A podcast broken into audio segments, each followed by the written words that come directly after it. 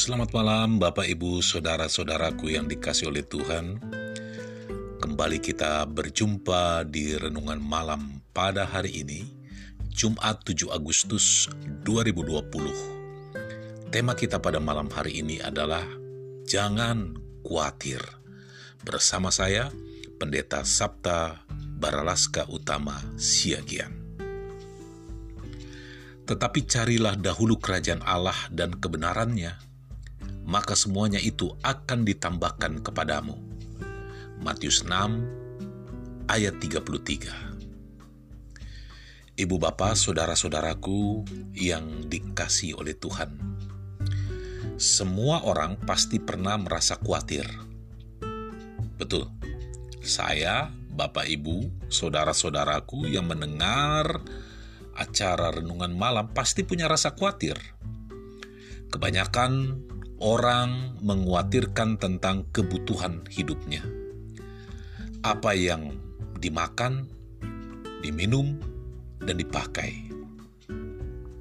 Demi memenuhi kebutuhan hidup tersebut, orang bekerja sedemikian kerasnya sampai mereka lupa waktu berusaha mati-matian demi mengejar materi itu tidaklah salah.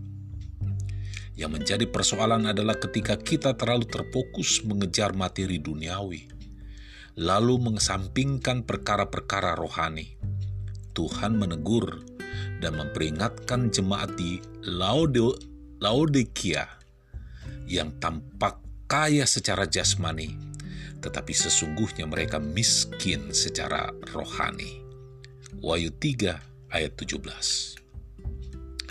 Ibu bapak saudara-saudaraku yang dikasih oleh Tuhan, saat-saat ini kita sedang diperhadapkan dengan keadaan dunia yang semakin hari semakin berat dan penuh kesukaran.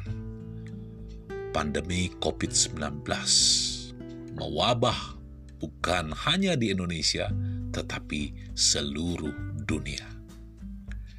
Wajarlah bila orang dihantui oleh rasa kekhawatiran. Apa itu kekhawatiran? Sesungguhnya kekhawatiran adalah rasa takut tentang sesuatu hal yang belum tentu akan terjadi. Merasa cemas atau merasa gelisah.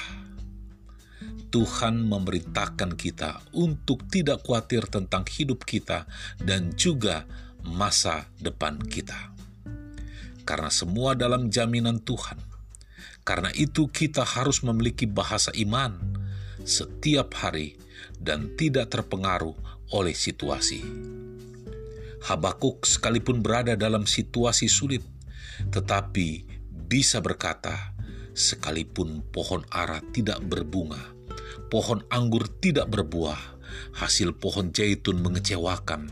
Sekalipun ladang-ladang tidak menghasilkan bahan makanan, kambing domba terhalau dari kurungan, dan tidak ada lembu sapi dalam kandang. Namun aku akan bersorak-sorak di dalam Tuhan. Habakuk 3 ayat 17 sampai dengan ayat yang 18. Ibu bapak saudara-saudaraku yang dikasih oleh Tuhan, firman Tuhan mengajarkan kita untuk mengutamakan dan mendahulukan Tuhan dengan kebenarannya. Dan ada tertulis, belilah kebenaran dan jangan menjualnya. Demikian juga dengan hikmat, didikan, dan pengertian. Amsal 23 ayat yang ke-23. Artinya, untuk memperoleh kebenaran ada harga yang harus dibayar orang yang punya rasa haus dan lapar akan kebenaran akan berusaha sedemikian rupa untuk mendapatkan kebenaran tersebut.